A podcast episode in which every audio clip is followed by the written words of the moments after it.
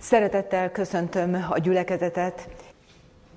Kedves gyerekek, először hozzátok szeretnék az igéből néhány gondolatot szólni. A Biblia óv bennünket a rossztól, a bűntől, és az ige elmondja azt, hogy milyen súlyos következményekkel jár, hogyha mi nem vagyunk jók, ha mi nem vagyunk engedelmesek. De a Biblia arról is beszél, hogy van a bűnnél, a rossz cselekedetnél még valami, ami még ennél is rosszabb. Vajon mi lehet az?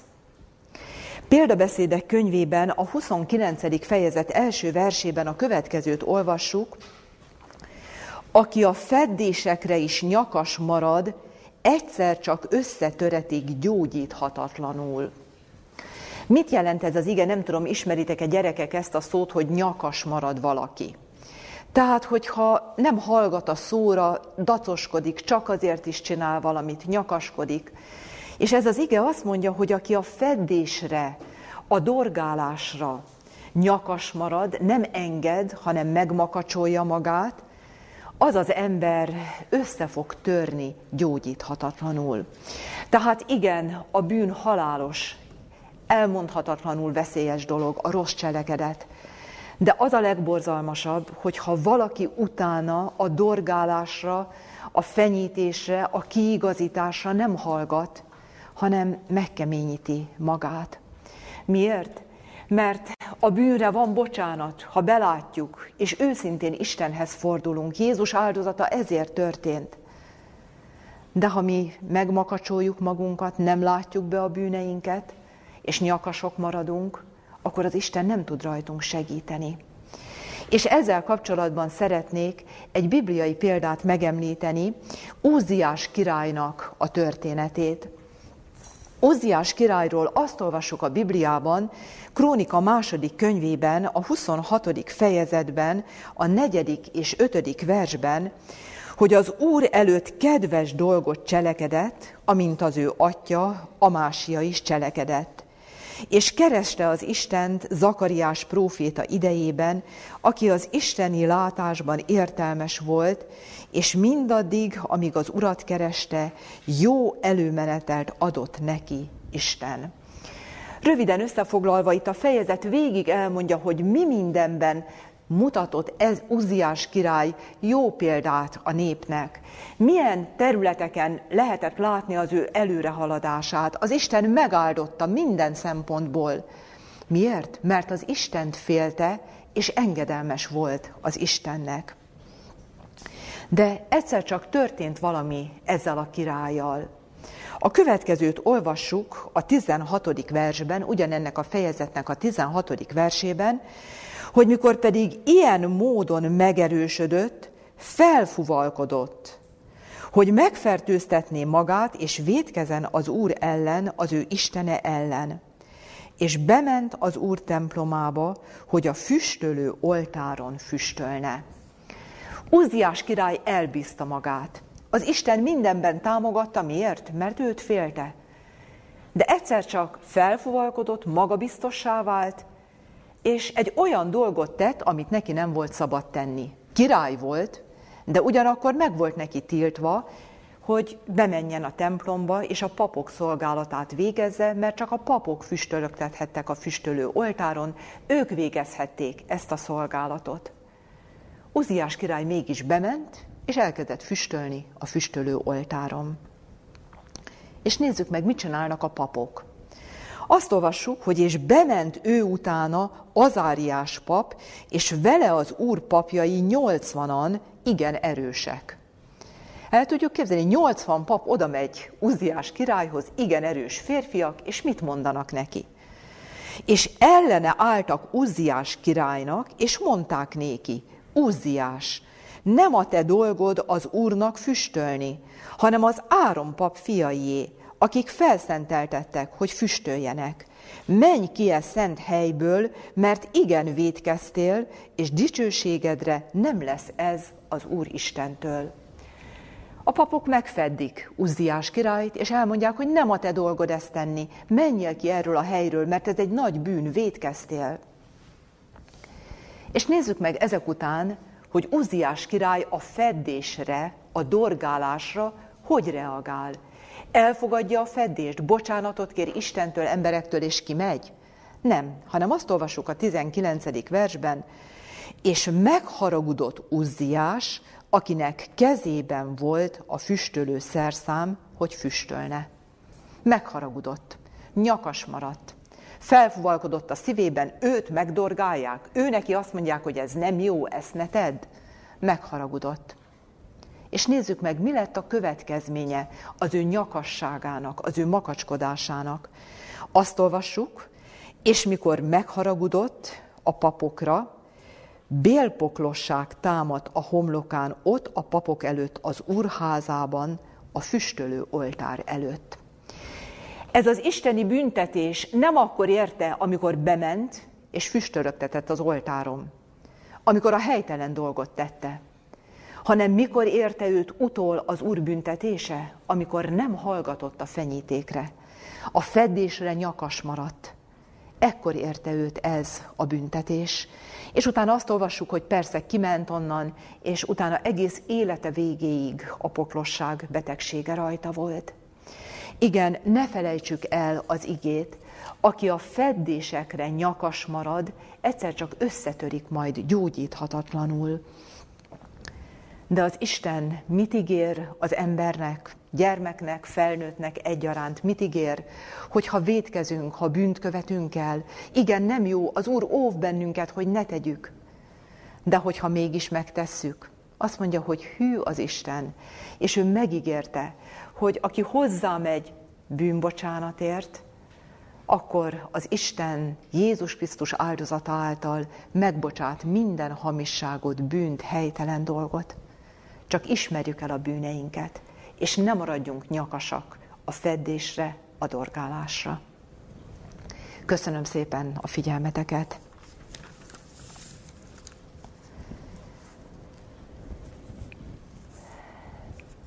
Egy olyan kérdéssel szeretnék a mai alkalommal foglalkozni, ami hiszem és tudom, hogy mindannyiunk életében egy alapvető kérdés.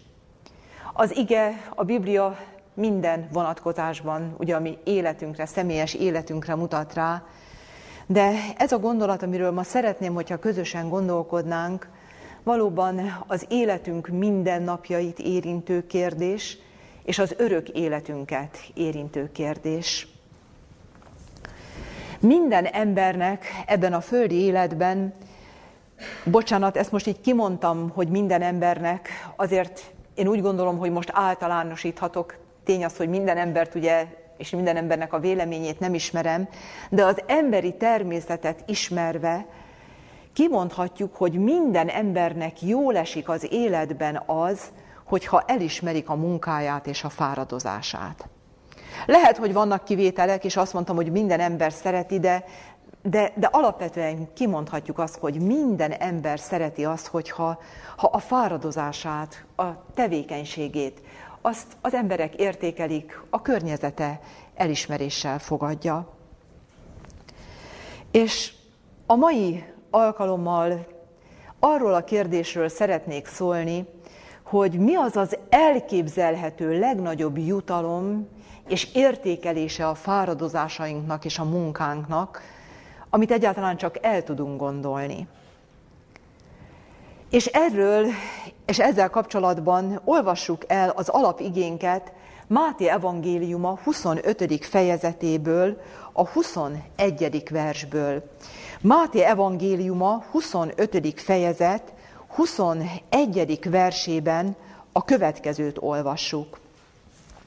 Jézus a következőt mondja, Jól vagyon jó és hű szolgám, kevesen voltál hű, sokra bízak ezután, menj be a te uradnak örömébe.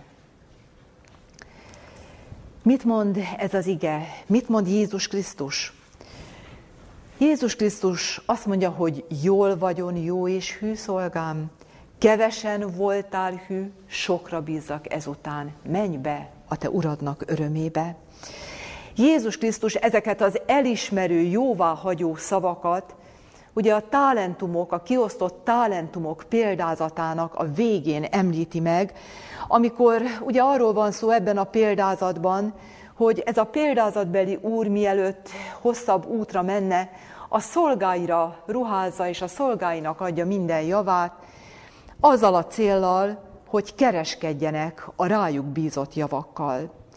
És amikor visszajön ez az úr, és elszámoltatja a szolgáit, akkor akik jól sáfárkodtak a rájuk bízott javakkal, akkor azokat dicséri meg ezekkel a szavakkal, amiket az előbb olvastunk. Jól vagyon jó és hű szolgám, kevesen voltál hű, sokra bízlak ezután, menj be a te uradnak örömébe.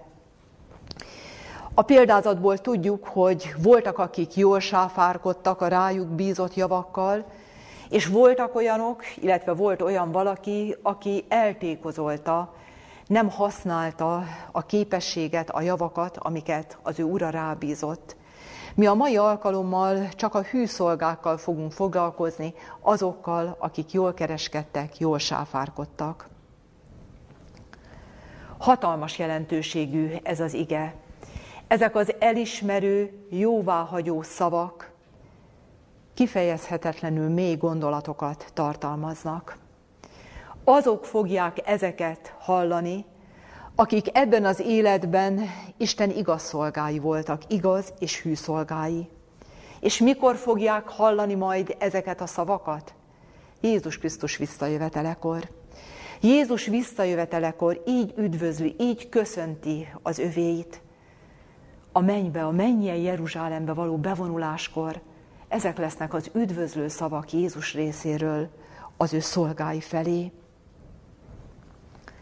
Nézzük meg részletesebben, hogy mit is takarnak Jézusnak ezek a gondolatai, szavai, amit ebben a Biblia versben olvastunk. Mindenek előtt azt szeretném elmondani, hogy mi mindannyian szolgák vagyunk. Mindannyian, mindannyian szolgák vagyunk. Nem csak azok a szolgák, akik lelkészek, igehirdetők, vagy valamilyen módon az Isten művében dolgoznak, nem csak azok a szolgák. Minden embert az Isten ebben a földi életben szolgálatra teremtett. És szolgálatra váltott meg bennünket Jézus. Mindannyiunknak megvan a magunk feladata, a magunk szolgálati területe, amit helyettünk senki nem tud elvégezni. Vagy én elvégzem igazán, jól, hűségesen, vagy pedig hűtlen szolga leszek. Nézzük meg, hogy a szolgálatra maga Isten, Jézus Krisztus mutat példát. Jézus mit mond? Az én atyám mindez ideig munkálkodik, én is munkálkodom. És Jézus mit mond? Hogy az embernek fia nem azért jött, hogy neki szolgáljanak, hanem hogy ő szolgáljon, és adja az életét váltságul sokakért. Tehát az isteni elgondolás, az isteni alapelv, a szolgálat, a másokért élés törvénye, amelyre ő maga mutat példát. Tehát mindannyian szolgák vagyunk. És éppen ezért ez az igen nagyon fontos mindannyiunk számára, mert meg kell, hogy figyeljük az igéből, mert az igében határozott kijelentéseket fogunk látni arra vonatkozóan, hogy kikhez hangozhatnak el majd ezek a drága áldott szavak, hogy jól vagyok jó és hű szolgám. Mi jellemzi az igaz hű szolgát? A Biblia bemutatja, és egyben tükröt tart mindannyiunk elé, hogy mi jó szolgák vagyunk, vagy pedig hűtlen szolgák vagyunk. És éppen ezért nézzük meg rövid néhány gondolat erejéig, hogy a Biblia hogy jellemzi azokat a szolgákat, akik majd hallják ezeket a drága elismerő szavakat. Mindjárt olvassuk el az első jellemzőjét az Isten szolgáinak, akik nem csak névleg azok, hanem igazából őt szolgálják.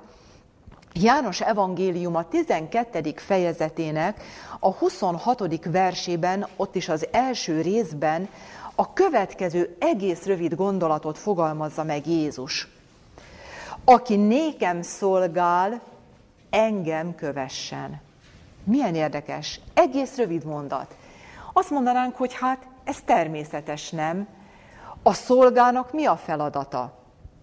Mi a feladata a szolgának? Hogy az urát kövesse, nem? Amit az ura mond, azt cselekedje hűségesen.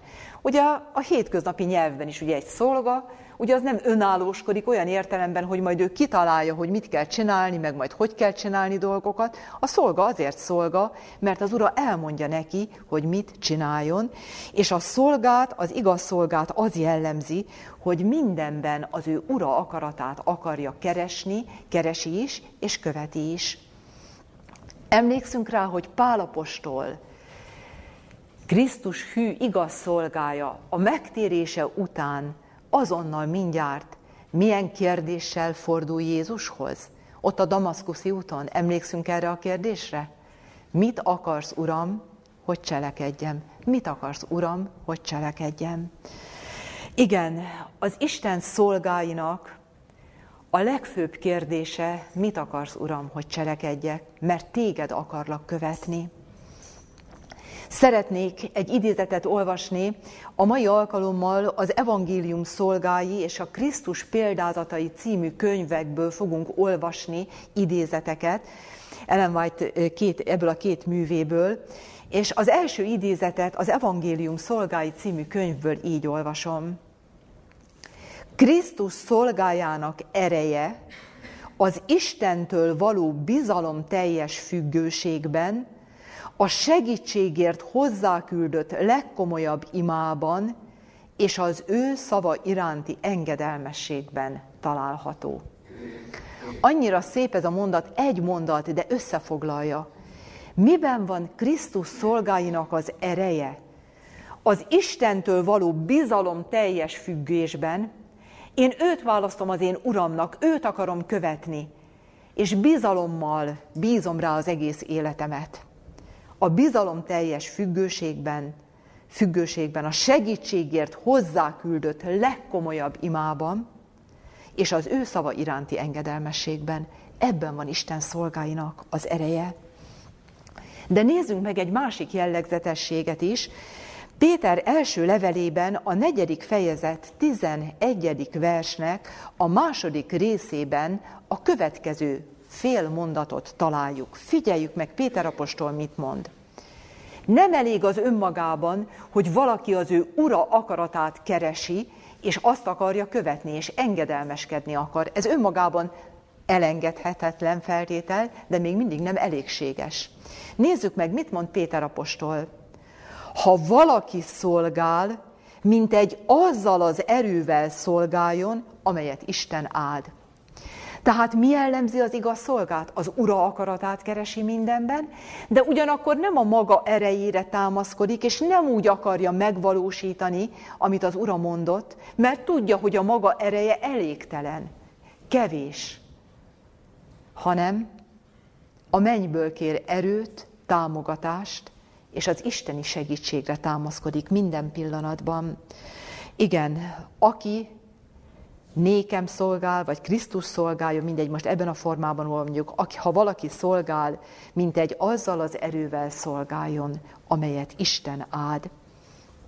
Emlékszünk arra, hogy hogy bíztatja a Szentírásban Isten az ő szolgáit, akik valóban az ő szolgálatára állnak, amikor érzik a gyengeségüket, érzik a tehetetlenségüket, emlékszünk rá, hogy az Úr hogy bátorítja és bíztatja az ő szolgáit. Például ott van Mózes, aki mikor az Úr megbízza őt ezzel a hatalmas feladattal, hogy vigye ki a népet Egyiptomból, akkor Mózes szabadkozik, mindenki fogást elmond, nem, hát én nem. Ugye, és még azt is mondja, hogy ő, hogy ő, ő, ő olyan a gyenge ajkú, tehát olyan ajkú, hogy nehéz ajkú mondja, tehát ő, ő, ő nem tud úgy beszélni. És akkor emlékszünk rá, hogy erre például az Úr mit mond. Én leszek a te száddal, én leszek. Én megyek előtted, küldök neked segítséget, én, én leszek te veled. Vagy például emlékszünk rá, hogy Pálapostól a hosszú-hosszú, nehéz, emberi szempontból nézve nagyon küzdelmes és nehéz szolgálatban mit mondott? Csodálatos bibliavers a Filippi 4.13-ban. Mindenre van erőm a Krisztusban, aki engem megerősít. Mit olvasunk? Aki szolgál, azzal az erővel szolgáljon, amelyet Isten áld neki. Akkor nem lesz kudarc az ő szolgálatában. Akkor örömmel fogja tudni végezni azt, amit az ő ura rábízott. Vagy még egy igét szeretnék Pálapostoltól olvasni, a Korintusi első levél 15. fejezetének a 10. versében.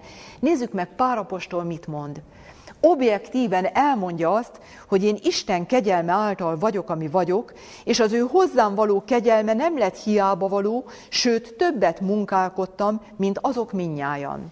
Tehát, mint az összes többi apostol együttvéve, ő többet munkálkodott. Ezt elmondja objektíven, de utána mit mond? De nem én, hanem az Istennek velem való kegyelme. Így is kezdte a Biblia verset, hogy az Isten kegyelme által vagyok, ami vagyok, és az ő hozzám való kegyelme nem lett hiába való. Igen, többet tudtam munkálkodni, de nem én voltam. Az én erőm az csak gyengeség. Az Istentől kapott erővel tudtam elvégezni azt, amit elvégeztem. Nézzük meg, hogy mindez mit mutat. A szolga elengedhetetlen jellemvonását mutatja. Mindez, amiről idáig szóltunk, mit mutat, milyen lelkületet mutat? Az alázat lelkületét. Az alázat lelkületét. Nem önmagában bízik. A szolgának való elhívását kegyelemnek tartja, és nem annak, hogy ő megérdemelte. Ő elég jó volt ahhoz, hogy ezt a megbizatást megkapja. Igen, mit mond Pálapostól is? Tudom, hogy én bennem, azaz az én testemben nem lakik semmi jó. Mondja ezt Pálapostól sok-sok éves apostoli szolgálat után. És mit mond? A bűnösök között első vagyok én. Tehát nem tartja magát nagyra az Isten szolgája, amikor elnyeri az Istentől jövő erőt, és valóban sok dolgot tud megcselekedni, és hatalmasan tud segíteni embereknek, önzetlenül tud szolgálni, és idézőjelbe teszem ezt a szót, siker kíséri a szolgálatát, akkor soha nem magának tulajdonítja. Tudja, hogy magától mindenre képtelen lenne. És ebből fakad az, hogy az igazi szolga mindig, mindenben az ő urának a dicsőségét keresi, nem a maga dicsőségét. Olvassuk most el a Péteri első levél negyedik fejezet 11. versét teljes egészében, ahonnan egy fél mondatot az előbb kiemeltünk. Azt mondja Péter apostol, ha valaki szól, mint egy Isten igéit szólja, ha valaki szolgál, mint egy azzal az erővel szolgáljon, amelyet Isten áld hogy mindenben Isten dicsőítessék a Jézus Krisztus által, akinek dicsőség és hatalom örökkön örökké. Amen. Tehát miért keresi a maga, maga akarata helyett az ura akaratát? Miért támaszkodik az ő ura erejére? Hogy el tudja végezni a rábízott szolgálatot, és ezáltal ne ő legyen nagy, nem önmagát akarja kiemelni, hanem az Istené legyen a dicsőség, az ő urát akarja mindig, mindenkor megdicsőíteni. Egy idézetet szeretnék megint olvasni, egy rövid idézetet. Akik az isteni dolgokban gazdag tapasztalatokat szereztek, azok vannak a legtávolabb a büszkeségtől és az önfelmagasztalástól. Minél magasztosabb fogalma van az embernek Krisztus dicsőségéről, annál kevésbé önelégült, és figyeljük, érzi, hogy Isten szolgálatában a legalacsonyabb hely is megtisztelő az ő számára. Igen, érzi az ember a maga semmiségét, és érzi, hogy micsoda megtiszteltetés, hogy én bármit tehetek az én Uramért, és az én életemmel, a szolgálatommal dicsőséget szerezhetek neki. A következő, amit Szeretnék röviden a szolgáról, az igaz szolgáról megemlíteni egy olyan jellemvonás, hát amiről nehezen, de kimondom, hogy szerintem nagyon sokan és többes szám első szemében beszélhetek erről, hogy amiben nagyon gyakran azért úgy, úgy elbukunk, és egy kicsikét megingunk ezen a területen. Nézzük meg, mit mond Pálapostól a Korintusi levél negyedik fejezet első versében. Pálapostól a következőt mondja. Annak okáért, mivel hogy ilyen szolgálatban vagyunk, amint a kegyelmet nyertük, nem csüggedünk el. Mit mond Pálapostól? Nem csüggedünk el. Mi Krisztus szolgálatában vagyunk, elnyertük tőle a kegyelmet, és ezért nem csüggedünk. Ha őszinték akarunk lenni önmagunkhoz, nem fogott el már bennünket a csüggedés egyszer, kétszer, többször? Amikor azt láttuk, hogy a munkánk eredménytelen, legalábbis úgy tűnik, amikor nehezek voltak a körülmények, amikor látszólag lehetetlen volt teljesíteni azt, amivel az Úr megbízott bennünket, hányszor és hányszor fordul elő az ember életében, hogy csüggedés fogja el. Majd erre ki fogunk még térni az igehirdetés végén erre a gondolatra, hogy miért nem indokolt a csüggedés Isten szolgálatában, és Pálapostól is miért nem csügget el, és miért tudta ezt elmondani, hogy annak okáért, mivel hogy ilyen szolgálatban vagyunk, amint a kegyelmet nyertük, nem csüggedünk el. És még egy utolsó jellemzőjét szeretném megemlíteni az igaz szolgának, sok jellemzőjét látjuk a Szentírásban, érdemes kutatni ezt és olvasni, csak most néhányat emeltem ki, és a következő, amit szeretnék megemlíteni, az a Galata levél első fejezet tizedik versében található. A következőt mondja Pálapostól. Mert most embereknek engedek é, avagy az Istennek? Vagy embereknek igyekezem tetszeni? Bizonyára, ha még embereknek igyekezném tetszeni, Krisztus szolgája nem volnék. Mennyire elgondolkodtató ez a Biblia vers. Mi nagyon sokszor a szolgálatunkban, és emlékszünk rá ugye, hogy megemlítettem az elején, hogy mindannyian valahogy azt várjuk, hogy, hogy elismerjék emberek a mi szolgálatunkat. És ezzel szemben Pálapostól mit mond? Pálapostól azt mondja, hogy ha én még embereknek akarnék tetszeni, tőlük várnám a dicséretet, akkor én Krisztus szolgája nem volnék. Mert Krisztus szolgájára mi jellemző? Hogy arra vár, hogy Jézustól magától hallja majd ezeket az áldott szavakat, hogy jól vagyok jó és hű szolgám. Kevesen voltál hű, sokra bízlak ezután. Menj be a te uradnak örömébe. És hadd mondjam, az igaz szolgának óriási jutalma van abban is, hogy ezeket a szavakat majd a valóságban, fizikailag Jézus visszajövetelekor hallhatja, de már most ebben a földi életben is hallhatja, a lelki ismeretén keresztül azt a megnyugtató belső hangot, hogyha emberek nem is értékelik, vagy félreértik, vagy bármi történik is, hallhatja belül azt a megnyugtató hangot, hogy jól vagyon jó és hű szolgám. Igen, röviden áttekintettük, hogy kiknek fognak majd ezek a szavak hangzani, jól vagyon jó és hű szolgám. Áttekintettük ugye, hogy mi jellemzi Isten igaz szolgáit, de szeretnék még egy jellegzetességre kitérni, vagy egy jellemvonásra, Isten igaz szolgáinak még egy jellemvonására, amit kétszer is említ Jézus Krisztus ebben a Biblia versben. Nézzük meg a Biblia verset. Melyik ez a jellemvonás, amit kétszer is említ Jézus Krisztus? Jól vagyon jó és hű szolgám, kevesen voltál hű, sokra bízlak ezután. Menj be a te urad örömébe. Melyik az? A hűség. Ugye a hűséget is kiemeli.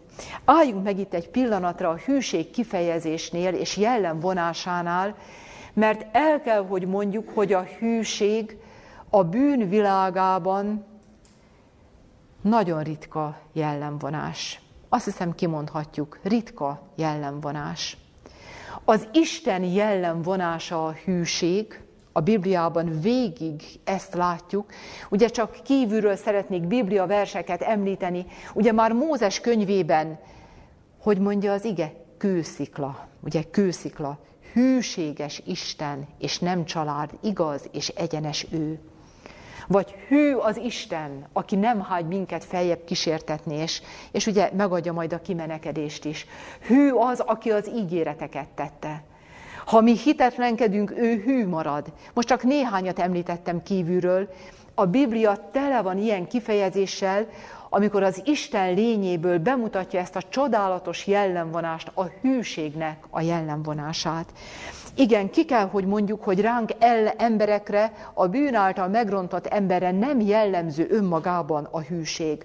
Mi jellemző inkább ránk emberekre? Nem az jellemző, hogy valami jót nem akarunk egyáltalán végrehajtani. Nem ez. Nem alapvetően ez. Hanem ránk jellemző a fellángolás, a felbuzdulás. Felbuzdulunk egy-egy jó cselekedetre. De hogy valamit hűséggel, kitartóan végezni, ez viszonylag ritka az emberi világban. És az Isten ezt akarja a mi lelkünkben kimunkálni. Nézzük meg, hogy mennyiszer, mennyiszer látjuk az életben, hogy valaki felbuzdul érzelmek alapján, vagy ki tudja milyen alapon felbuzdul valamire, de amikor egy-egy szolgálatban nehézségek adódnak, vagy valami tényleg már fárasztó, és sokszor állandóan kell ismételni, figyeljük meg, hogy az emberek milyen gyakran és milyen gyakran vagyunk úgy, hogy akkor úgy, úgy inkább úgy kicsikét belefáradunk. És éppen ezért a példabeszédek könyvében találunk egy olyan igét, ami annyira elgondolkodtató, példabeszédek könyve 20. fejezet 6. verse a következőt mondja. A legtöbb ember talál valakit, aki jó hozzá, de hű embert azt kicsoda találhat. Nem érdekes és elgondolkodtató ige? Igen, a legtöbb ember talál valakit, aki jó hozzá, de hű embert azt kitalálhat. Az életben én biztos vagyok benne, hogy ti is tapasztaltátok már, hogy az emberek alapvetően, és most lehet, hogy furcsa annak alapján, amit az előbb elmondtam, lehet, hogy furcsa, hogy ezt mondom, de én ezt tapasztaltam, hogy az embereknek a legnagyobb része alapvetően kérhető egy-egy jó cselekedetre. Az ember bajban van, valami történik, és, vagy valamit nem tudok megcsinálni, és akkor valakit megkérek, hogy emelje már le azt a magas polcról valamit, mert nem érem el, vagy bármi apróság. És figyeljük meg, hogy, hogy én még nem emlékszem, hogy olyannal találkoztam volna, hogy valaki azt mondta volna egy boltban erre, hogy hagyjon engem békén, én nem segítek. Szóval az emberekben általában ott van az, hogy és akkor segítettem valakinek. Egy-egy jó cselekedet. Tehát ezért mondja az ige, hogy igen, a legtöbb ember talál valakit, aki jó hozzá. És a hétköznapi életben is bajban vagyok. Igen, talál valaki általában, majdnem mindenki, aki jó hozzá, de hű embert kitalálhat, aki a bajban, a nehézségben, a problémák közepette és hűségesen kitart mellette, nem fogja magára hagyni a bajban, hanem minden körülmények között hűséggel kitart mellette. Igen, és az Isten ezt várja tőlünk, hogy ez a jellemvonás és kifejlődjön bennünk, bocsánat, hogy így fogalmazom, inkább azt mondanám, az Isten azt szeretné, hogy ki tudja bennünk fejleszteni az ő végtelen kegyelméből a hűségnek ezt a jellemvonását, azt, ami rá alapvetően jellemző.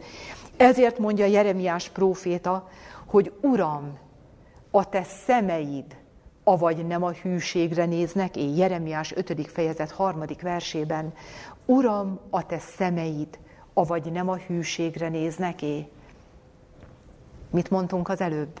Jól vagy jó és hű szolgám, kevesen voltál hű. Igen, a hű szolgának hangzanak majd ezek a szavak. És mit olvasunk Ézsaiás könyvében? Ézsaiás könyve 26. fejezetének a második verse mit mond? Amikor a megváltott nép belép a mennyei Jeruzsálembe, a mennybe, milyen szózat fog elhangzani Ézsaiás 26.2 szerint? Nyissátok fel a kapukat, hogy bevonuljon az igaz nép, a hűség megőrzője. Nyissátok fel a kapukat, hogy bevonuljon az igaz nép, a hűség megőrzője. Igen, jól vagyok jó és hű szolgám, kevesen voltál hű, sokra bízlak ezután. Mit is jelent ez, hogy sokra bízlak ezután? Szeretném, hogyha egy Biblia verset felolvasnánk a gírák példázatából. A gírák példázatában, ugye a kiosztott talentumok példázatát Máté evangéliumában olvassuk, és a párhuzamos evangéliumban, Lukács evangéliumában ott is ugyanez a példázat hangzik el, lényegében ugyanez a példázat, ott nem talentumok, hanem kiosztott gírákról van szó. De a példázatnak ugyanez a lényege, hogy a szolgáknak kereskedni, jól gazdálkodni kell a rájuk bízott javakkal, és a végén jön majd az elszámoltatás. És ott, amikor az elszámoltatás zajlik, akkor a példázatbeli úr, aki kiosztotta ezeket a javakat, a jutalomnál nem azt mondja, hogy jól vagy, jó és hű szolgám, ugye kevesen voltál hű, sokra bízlak, ezután menj be a te urad örömébe, hanem a következőt olvassuk. Lukács evangéliuma 19 fejezet, 19. fejezet, 17-től 19-ig terjedő versekben ezt olvassuk. Ő pedig mondanéki, jól vagyon jó szolgám, mivel hogy kevesen voltál hív, legyen birodalmad tíz városon. És jött a második mondván, Uram, a te gírád öt gírát nyert, mondta pedig ennek is, neked is legyen birodalmad öt városon. Milyen érdekes. Azt mondja, hogy kevesen voltál hű, sokra bízlak ezután. Nem tudjuk egész pontosan meghatározni azt, hogy mik lesznek ezek a feladatok, ezek a szolgálatok, amelyekkel megbízza majd az Úr az övéit, az ő jó és hű szolgáit. De azt az egyet biztosan tudhatjuk, hogy mi erre a hatalmas megtiszteltetésre, mi itt ebben a földi életben készülhetünk fel. Hogy sokra tudjon bennünket ott bízni az Úr, ahhoz nekünk itt, a földi életben a kevesen kell hűnek lennünk. Ezzel kapcsolatban szeretnék felolvasni három rövid idézetet. Figyeljük! Kicsiny dolgok fontosságát, mert kicsinyek, gyakran lebecsüljük. Mégis nagy részt a csekélységek képezik életünk nevelő és fegyelmező eszközeit. Ugye amikor olvassuk ezt, hogy majd sokra bízzak ezután, ugye az Úr megbízza az ő szolgáit hatalmas, csodálatos feladatokkal, akkor ugye úgy, úgy esetleg elgondolkodunk és várunk, hogy milyen nagy hűs szolgálatokat fogunk majd végezni. És nem gondolunk arra, hogy nekünk erre itt most a kicsiny feladatok hűséges teljesítésében lehet felkészülnünk. Így olvasom. Hűtlenség a kicsiny kötelességek teljesítésében megrabolja Istent a teremtőt megillető szolgálattól. Az ember hűtlensége visszahat rá, nem részesülhet abban az áldásban, erőben és jellemszilárdságban, amely csak az Istennek való tökéletes átadás által nyerhető el. Az Isten iránti hűség és szeretetből végzett szolgálat nyeri el a menny elismerését. Tehát azoknak fogja tudni majd csak mondani ott, a célba érkezéskor, hogy sokra bízlak ezután. Még két rövid mondatot a következőképpen olvasom. Ezt a következőt az Üzenet az ifjúságnak című könyvből. Figyeljük! Jó munkában való állandó haladás, valamilyen hűséges szolgálat állandó ismétlése több értéket jelent Isten szemében, mint egy nagy munka véghez vitele. Ugye mi általában embereket azért csodálunk, ugye, hogy hú, ki valamilyen nagy teljesítményre képes. Mit mond ez az idézet? Jó munkában való állandó haladás, valamilyen hűséges szolgálat állandó ismétlése. Lehet, hogy ez olyan szolgálat, amit az emberek észre sem vesznek. Háttérmunka, szolgálat, apró csekéség. De az így végzett szolgálat több értéket jelent Isten szemében, mint egy nagy munka véghez vitele. És most figyeljük azt a mondatot, amit szeretnék hangsúlyozni, és említettem már az elején, hogy majd még erre visszatérünk munkánkat tisztán és hűen kell végeznünk még akkor is, ha e világon senki sincsen, aki ezt mondaná, jól végezted. Figyeljük meg ezt a mondatot.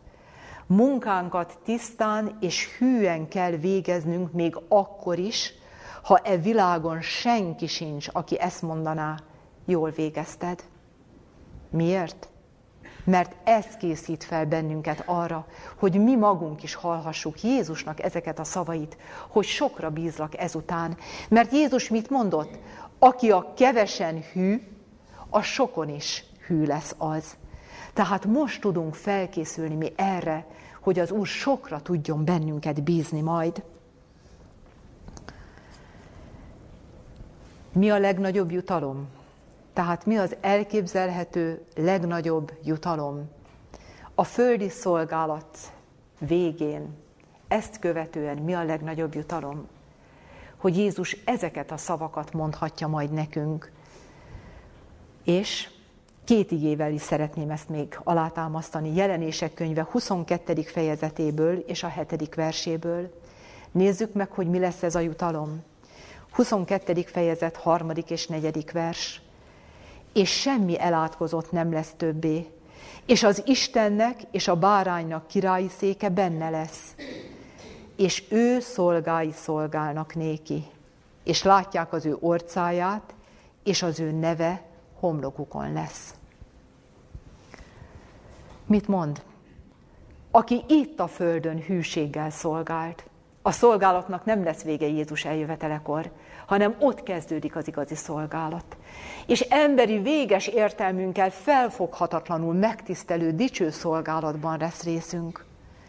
Ott, amikor már nem hitben, hanem látásban leszünk.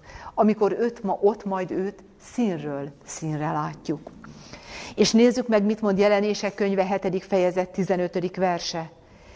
Ezért vannak az Isten királyi széke előtt, és szolgálnak neki éjjel és nappal az ő templomában, és aki a királyi székben ül, kiterjeszti sátorát felettük.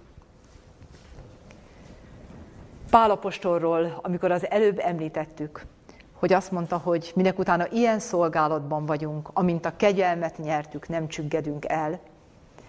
Mi volt az, ami Pálapostolnak is erőt adott?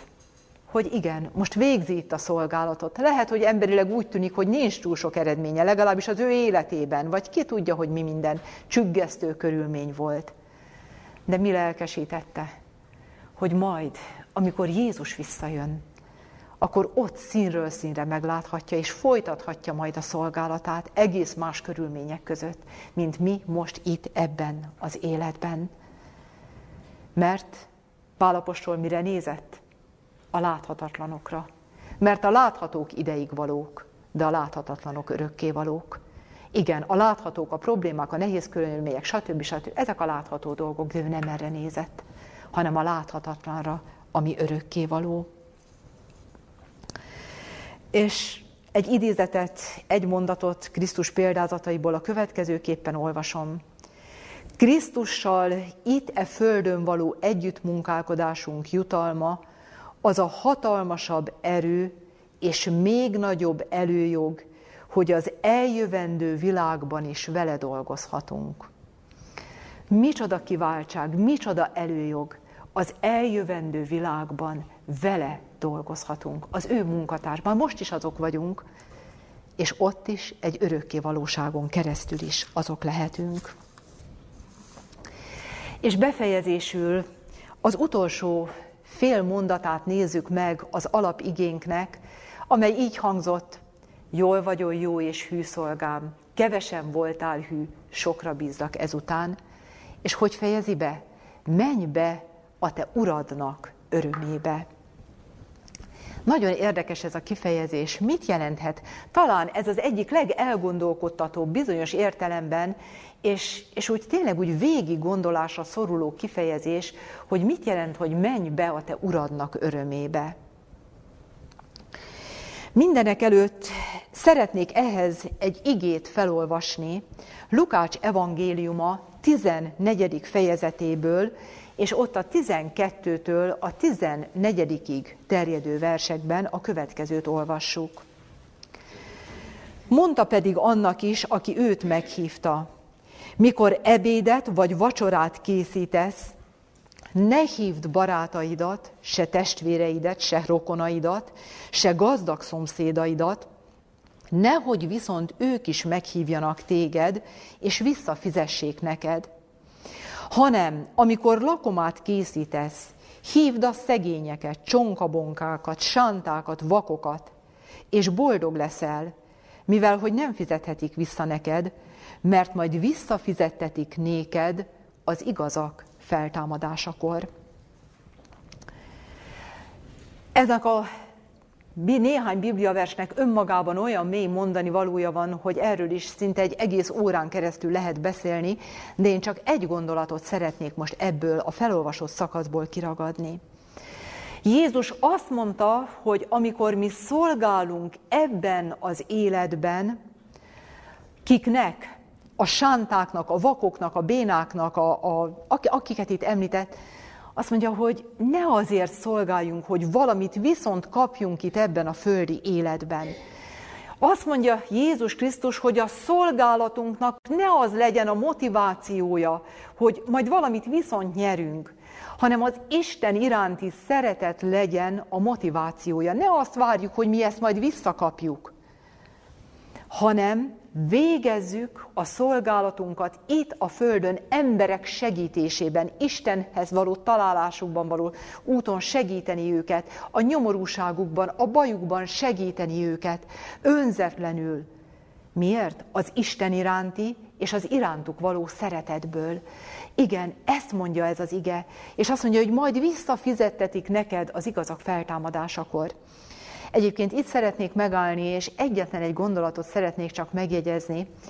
Nem tudom, hogy belegondoltunk-e már ebben az életben, hogy van egy olyan hatalmas, nagy, magas rendű munka, a legmagasabb rendű munka, amit mi csak itt ebben a földi életben tudunk végezni, a mennyben soha többé nem lesz erre lehetőség. És vajon mi ez? A nyomorultakon, szegényeken, bajba jutottakon segíteni, az Istent nem ismerő, remény nélkül élő embereknek az igazi reményt, Krisztust megmutatni. Erre nekünk most már csak egy egész rövid néhány évünk van hátra ebben a földi életben. Ezt a munkát ott soha többet nem fogjuk tudni végezni. De mit mond? Ennek a munkának majd ott meg lesz a jutalma, valami olyan öröm, valami olyan idézőjelbe visszafizetés lesz, amit nem is tudunk elképzelni. De azért itt szeretném megjegyezni, hogy az Isten igaz szolgái nem ezért a jutalomért dolgoznak, hanem önmagában a jót a jóért teszik, mert, mert az Isten szeretik, és szeretik azokat, akikért Krisztus meghalt. Igen, tehát nem fizetik neked vissza, de majd visszafizettetik neked az igazak feltámadásakor. Olyan érdekes, hogy ha végig gondoljuk, hogy az ember végzi a szolgálatot, itt a földi életben, akármilyen területen a szolgálatot, nagyon sokszor úgy tűnik, hogy nem gyümölcsöző. És mégis nem tudom, hogy ki tapasztalta már meg ebben az életben, hogy mégis a szolgálat bármilyen értelemben is fárasztó vagy, vagy, vagy akadályokkal teli, de a szolgálatban magában öröm van már itt ezen a földön. Egy idézetet szeretnék olvasni ezzel kapcsolatban az Evangélium szolgái című könyvből, míg a végső jutalmat Krisztus a visszajövetelekor adja át, addig az őszinte szolgálat már ebben az életben is jutalmat nyer. Akadályokkal, ellenkezésekkel és keserű, szívet tépő elcsüggesztéssel találkozik az evangélium szolgája, alkotása gyümölcseit talán sohasem láthatja, és mégis magában a munkában dicső jutalmat nyer. Mindazok, akik odaszánják magukat Istennek, hogy az emberiségért önzetlenül munkálkodjanak, munkatársai a dicsőség urának. Ez a gondolat megédesíti a munkát, erősíti az akaratot, és megedzi az idegeket mindennel szemben, bármi jönne is. Azáltal, hogy önzetlen és a Krisztus szenvedéseiben, szenvedéseiben való részesülés által megnemesedett szívvel dolgoznak, és ővele éreznek, ahhoz is hozzájáruljanak, és most figyeljük, ahhoz is hozzájárulnak, hogy Jézus örömét teljessé tegyék, és nagy nevét megszenteljék, Istennel, Krisztussal és a szent angyalokkal való közösségükben mennyei légkör veszi körül őket, amely testüknek egészséget, lelküknek erőt és örömöt ad. Annyira szép ez az idézet, és olyan mély gondolatokat fogalmaz meg. Igen, a csüggesztő körülmények között is, a munkában, az igazi szolgálatban, a mások segítésében öröm van. Milyen öröm? A Szentlélek általi öröm. Az a belső hang, amiről az előbb szóltam, hogy belülről is hallhatjuk azt, hogy jól vagyon jó és hű szolgám. De majd ott a kiteljesedett végső hatalom, hatalmas jutalom vár a hűszolgára. Emlékszünk, mit mond a Zsoltár ige? Aki, vet, aki könyhullatással vetnek, vigadozással jönnek majd elő. Tehát ugye, és aki vetőmagvát sírva emelve megy tova, vigadozással jön elő, kévéit emelve. Igen, tehát lehet, hogy itt sírva megy a szolgálat, bizonyos szempontból akadályok vannak, de a belső öröm mégis ott van, és ö, vigadozással fog előjönni majd kévéit emelve. Még egy idézetet a Hit, amely által élek című könyvből egy mondatot így olvasok. Földi bűn korlátozta életünk idején is. A szolgálatban rejlik a legnagyobb öröm és a legmagasabb rendű nevelés.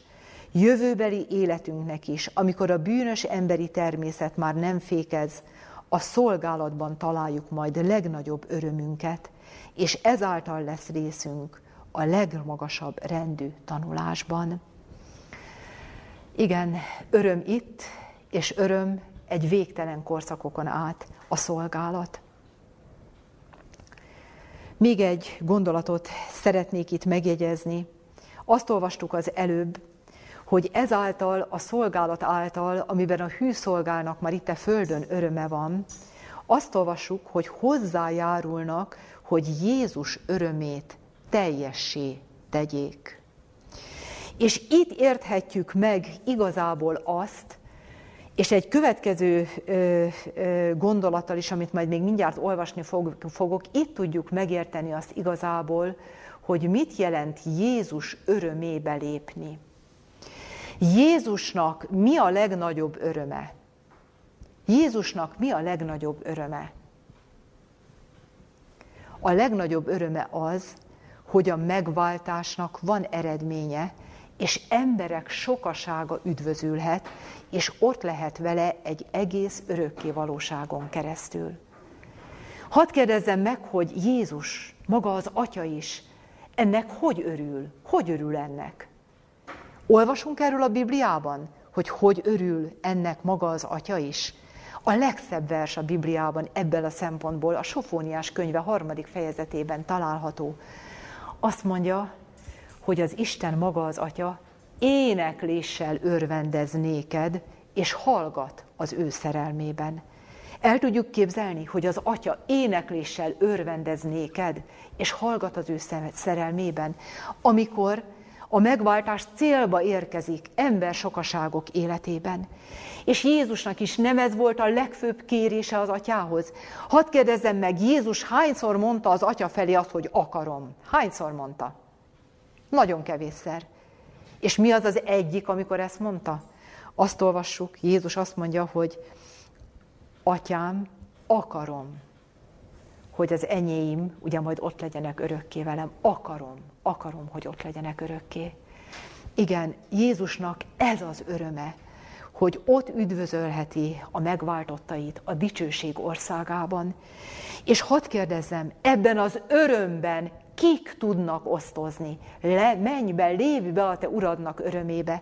Ebbe az örömbe kik tudnak osztozni? Akik ebben a földi életben az újukat nem mozdították a szolgálatért? Hát azok hogy tudnának ebben az örömben részesedni? Azok tudnak Jézussal együtt örülni, akik ebben a földi életben is kivették a részüket a szolgálatból. Egy mondatot így olvasok az evangélium szolgáiból. Krisztus szolgáinak jutalma, hogy bemehetnek az ő örömébe. Ezt az örömöt, amelyet Jézus is sóvárogva vágy, így fejezi ki atyához intézett imájában, akiket nékem adtál, akarom, hogy ahol én vagyok, azok is én velem legyenek. Igen, osztozni Jézus örömében, együtt örülni vele a megváltott embereknek. És egy idézetet szeretnék ezzel kapcsolatban felolvasni, hogy mi is lesz az az öröm, ami ott a mennyben Isten szolgáinak majd része lesz. Így olvasom az Evangélium szolgái című könyvből. Csodálatosak lesznek a szent befolyások értékes eredményeit feltáró kinyilatkoztatások. Most figyeljük. Mély nagy lesz a megváltottak hálája, akikkel a mennyei udvarokban találkozunk, ha megértik majd az együtt érző szeretet részvétét, amely üdvükért a szívekben dobogott. Megváltásunkért minden hódolat, dicséret, hála és tisztelet az Istennek és a báránynak adatik. De az elveszendő lelkek üdvéért felhasznált eszközök is részesülnek a hála kifejezéséből. Mindez azonban nem csökkenti Isten dicsőségét. Milyen nagy öröm lesz ott, amikor a megváltottak találkoznak és üdvözölhetik azokat, akik érettük terhet hordoztak. Mennyire repes majd szívük az örömtől azoknak, akik nem magukért éltek, hanem azért, hogy a boldogtalanok áldására legyenek, akiknek oly kevés örömük volt a földi életben. Megértik majd az ígéretet, hogy boldog leszel, mivel hogy nem fizethetik vissza neked, mert majd visszafizettetik néked az igazak feltámadásakor. Milyen lesz majd ott látni embereket, akikről, akik az üdvösségre jutásukban eszközök lehettünk. Mert beszéltünk nekik Krisztusról, elmondtuk a saját tapasztalatainkat, reményt adtunk nekik, segítettünk nekik a terheik hordozásában, a tekintetüket segítettünk felemelni Krisztushoz és ők is üdvözölhetnek. Milyen öröm lesz meglátni a munka eredményét. Jézus meglátja ugye az összes megváltottban az egész élete és áldozata munkájának a gyümölcsét, és az ő szolgái is megláthatják annak a gyümölcsét, amit itt a földön a kevesen végzett hű szolgálat eredményezett. Éppen ezért bátorítson bennünket Pálapostolnak a kijelentése és szava, amit az Úr mindannyiunkhoz intéz. Azért szerelmes atyám fiai, erősen álljatok, mozdíthatatlanul, buzgolkodván az Úrnak dolgában mindenkor, tudván, hogy a ti munkátok nem hiába való az Úrban. Igen, buzgolkodjunk, végezzük hülyen a szolgálatot, tudva, hogy a mi munkánk nem hiába való az Úrban. És ha így végezzük a mi szolgálatunkat, akkor mi is hallani fogjuk ezeket az áldott szavakat. Jól vagyon jó és hű szolgám. Kevesen voltál hű, sokra bízzak ezután. Menj be a te uradnak örömébe. Amen. Imádkozzunk. Menje jó atyánk, Kegyelmes Istenünk, szívünk mélyéből szeretnénk megköszönni ezt a hatalmas megtiszteltetést, hogy mi a Te szolgáid lehetünk. Köszönjük neked, Istenünk, azt, hogy részesítesz bennünket a szolgálat örömében és áldásában. Köszönjük neked, Urunk, azt, hogy ebben a szolgálatban, amire elhívtál, amire megváltottál, amire teremtettél bennünket, nem hagysz magunkra, hanem te azt akarod, hogy mi felfelé tekintsünk, tere át tekintsünk, tőled kérjük az erőt, tőled kérjük a hűséget, hogy formáld ki a mi életünkben, és kérünk téged, segíts Istenünk, hogy mi valóban olyan szolgáid lehessünk, akik a környezetüknek áldására vannak, Istenünk segíts, hogy az életünknek a fő célja legyen, hogy akivel csak érintkezünk, mindenkinek áldására lehessünk, hogy segítsünk embereknek téged megtalálni.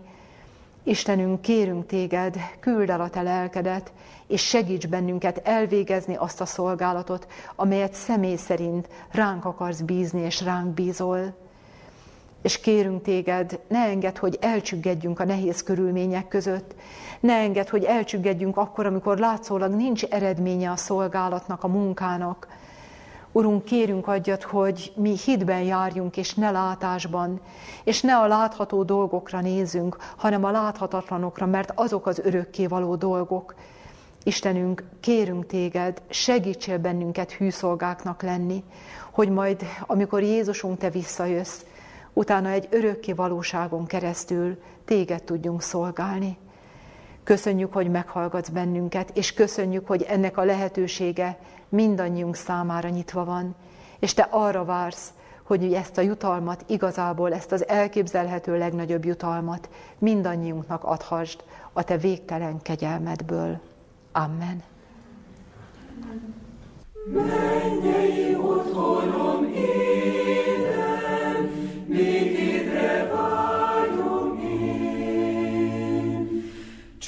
Ügyelő szívemre áll.